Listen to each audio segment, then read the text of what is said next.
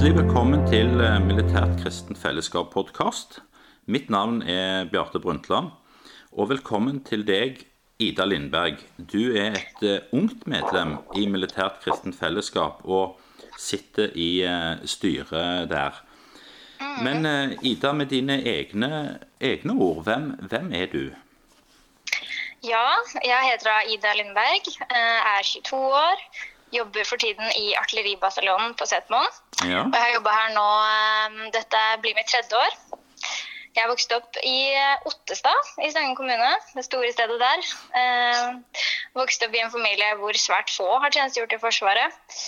Eh, jeg er også misjonærbarn. Jeg har bodd to år i Niger i Vest-Afrika. Eh, og jeg kan nok si at jeg ikke er like tøff eh, som mine foreldre, som tar med seg tre barn og flytter dit. Så ja, de er veldig tøffe. Det er em, spennende å ha vokst opp i Niger. Eh, men hvorfor ønsket du å jobbe i, eh, i Forsvaret? ja, eh, det var jo aldri helt planen å begynne å jobbe i Forsvaret.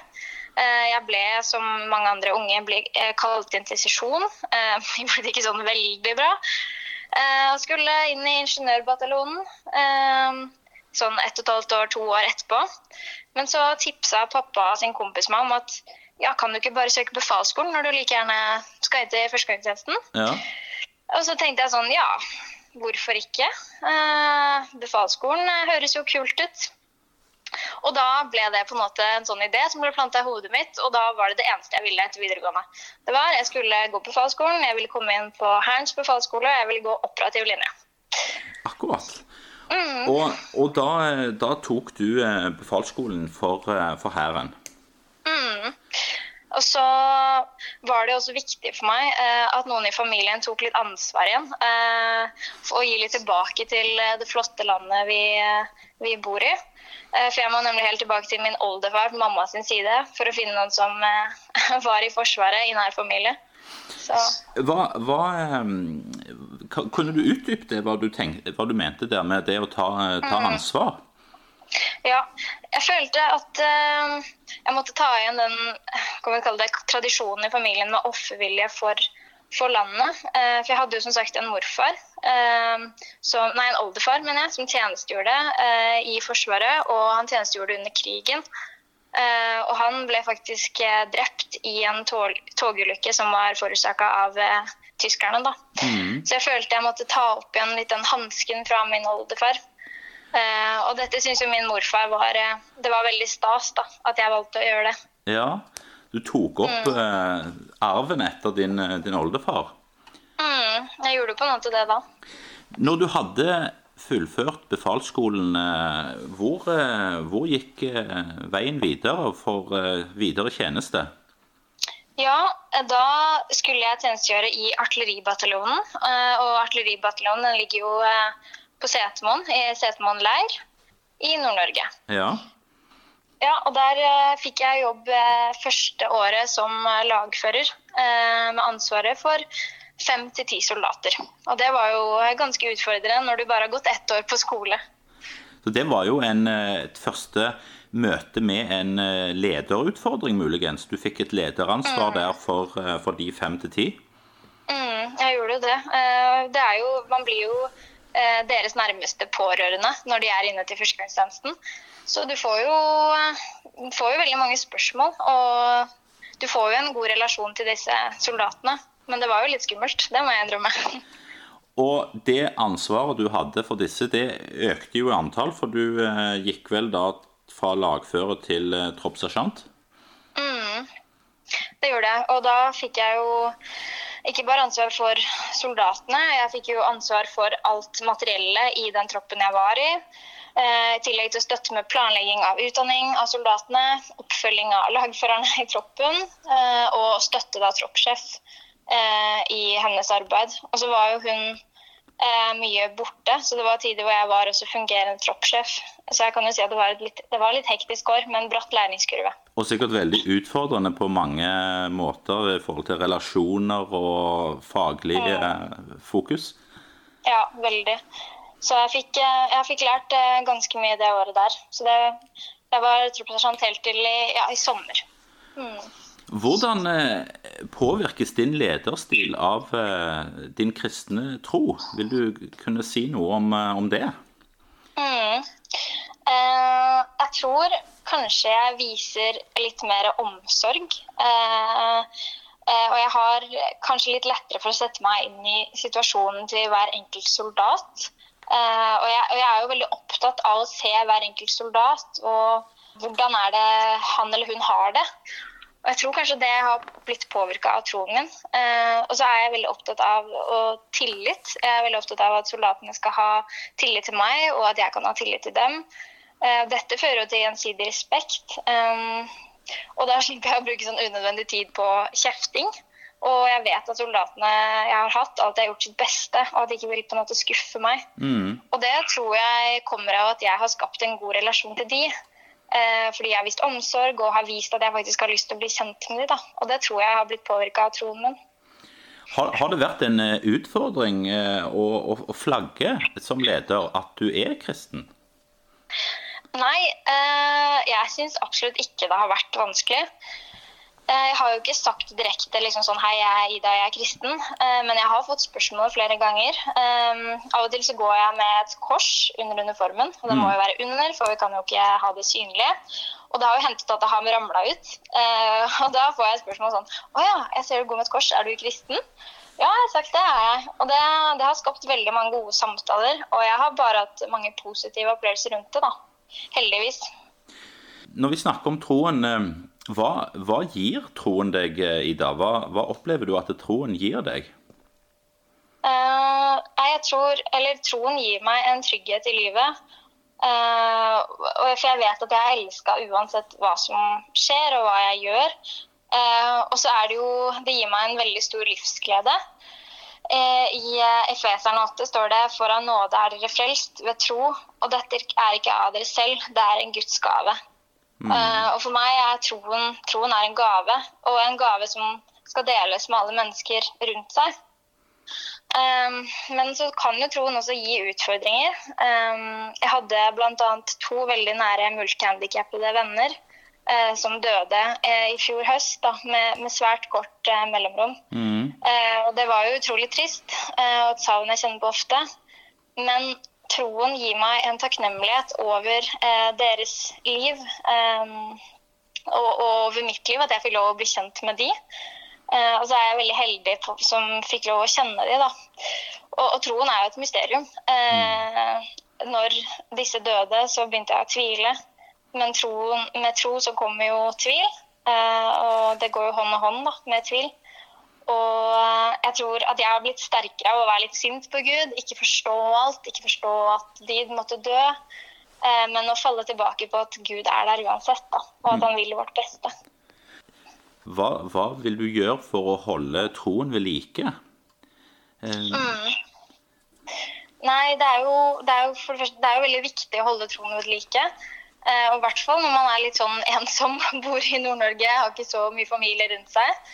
Mm. Eh, og det jeg gjør sånn rent fysisk, det er jo å gå på gudstjenester i den lokale menigheten når det er gudstjenester her. Det er ikke så mange som bor her oppe, så det er ikke så ofte gudstjenester. Mm. I tillegg så møter jeg Jeg har et par andre kristne venner her på Setermoen. Hun pleier å møte de, pleier å ta en kopp kaffe eller kanskje lage middag sammen og har et slags sånt husfellesskap da, med, med de to. Eh, og da deler vi gjerne fra livene våre, ber, leser fra Bibelen.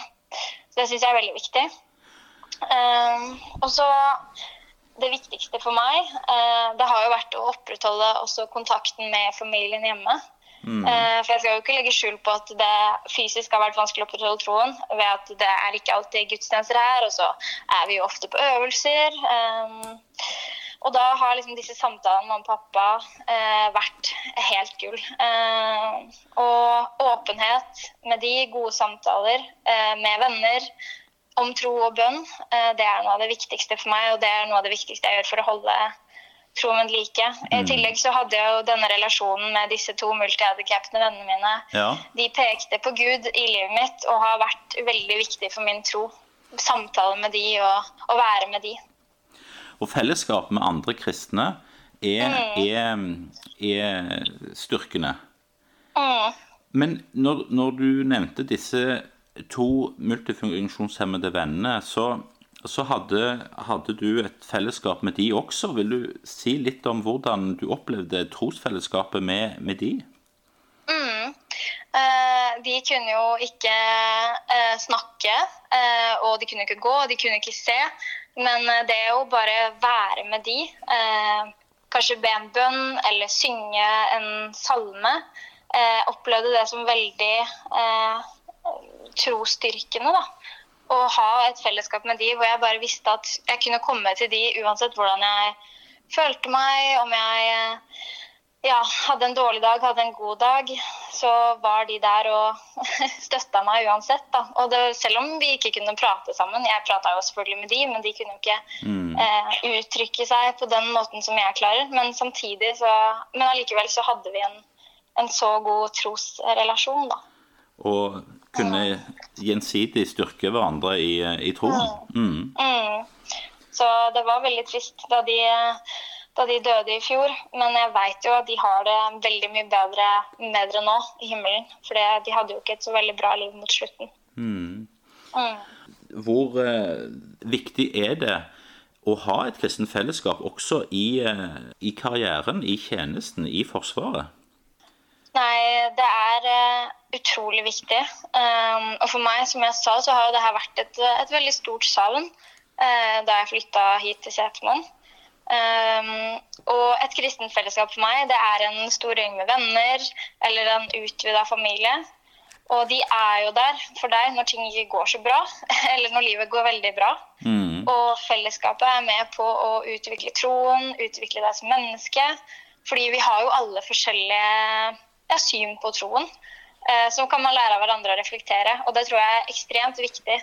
Eh, også når man, er, eh, når man ja, jobber i Forsvaret. da Eh, og bor litt aleine og, og, sånn. Ja. Hva, hva, synes du er bra med, med trosfellesskapet som, eh, som, er i militært kristent fellesskap i Forsvaret? Nei, jeg synes det er eh, For det første er det utrolig bra at vi har noe som heter militært kristent fellesskap. For jeg ble så utrolig glad da jeg fant ut at, at vi fantes.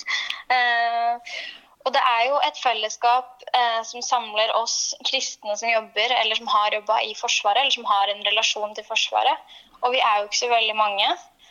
Og det er veldig godt at man har eh, et sånt fellesskap eh, som kanskje forstår eh, Hvis det er ting i jobben som er litt vanskelig, så har eh, de andre en forståelse av ja, jeg vet akkurat hvordan det føles, fordi de også jobber i Forsvaret eller har en relasjon til Forsvaret.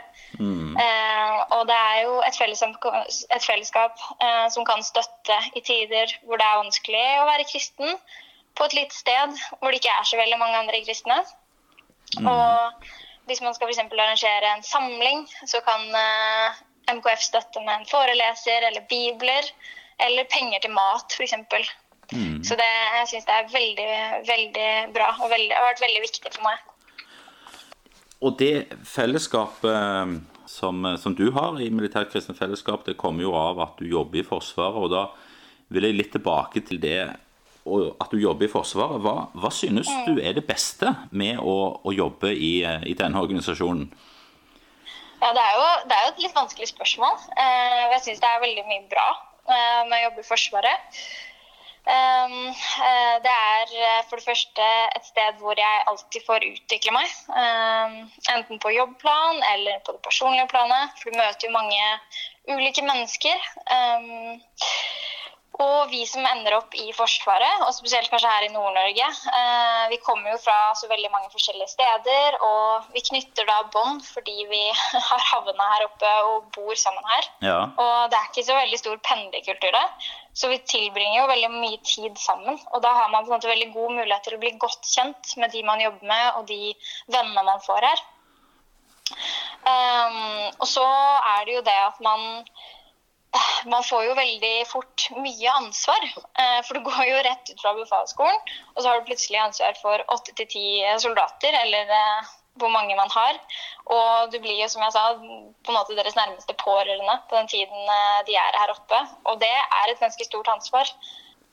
Men, men det å få jobbe med unge mennesker og være med å påvirke dem fra en ung alder, det er jo ganske kult, syns jeg.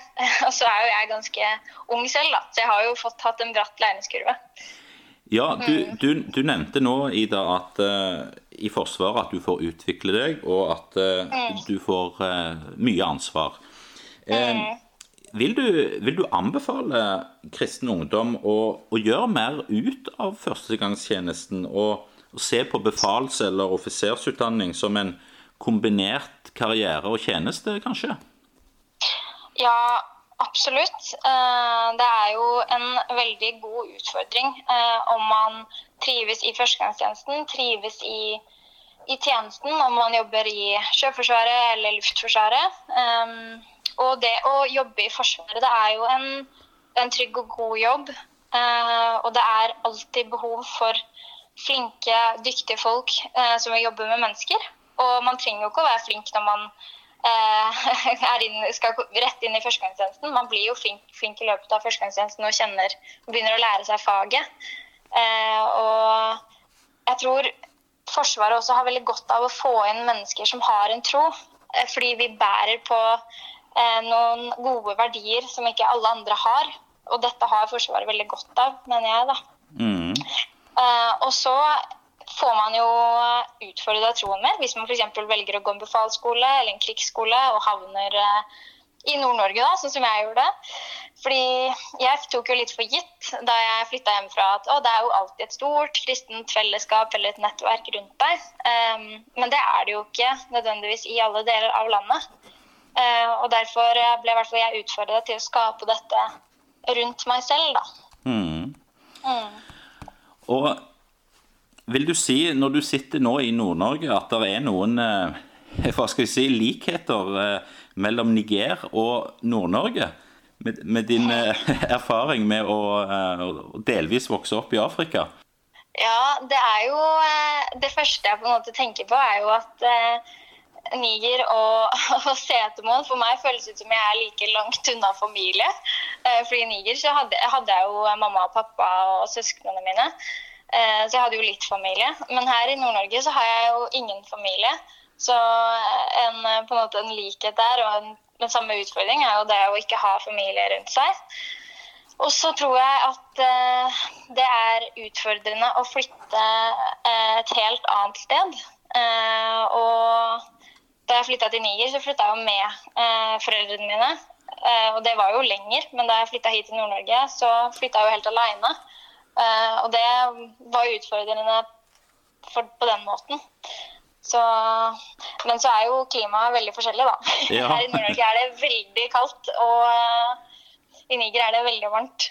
Så det er nok litt, det er litt forskjellige utfordringer. Men absolutt noe av de samme likhetstrekkene. Ja. Soldater som kommer til førstegangstjenesten, de kommer fra ulike deler av landet og fra ulike tradisjoner og kulturer også. Eh, kan erfaringer fra Niger eh, hjelpe deg som leder i eh, Forsvaret, Ida? Ja, i Niger så ble jo jeg nødt til å bli kjent med de som bodde der, de menneskene. Jeg og familien vi kom jo som fremmede og måtte tilpasse oss den nigerske kulturen. Og vi ble jo veldig flinke til, til det. Å lære oss deres tradisjoner, deres kulturer, deres språk. Møt, måten å leve på. Og eh, dette har jeg jo tatt med meg til Forsvaret. Eh, fordi i Forsvaret så møter man jo også eh, mennesker med ulike bakgrunn, eh, bakgrunner og, og tradisjoner. Eh, og jeg har lært meg, eller jeg har jo erfaringer da, med å tilpasse meg mennesker og bli kjent med disse. Og det, det har jeg jo tatt med meg da, i, i lederrollen. At jeg, jeg, tror jeg er veldig god på å se mennesker og, og lære meg å kjenne dem da, på tross av mm. kulturer, ulikheter og å, måter å leve livet sitt på. Ja. Vi nærmer oss avslutning på denne episoden, og jeg vil eh, si tusen takk til deg, Ida, for samtalen. Takk også til dere lyttere som har fulgt oss. Ha en god dag, og følg oss gjerne på mkf.no og vår Facebook-side.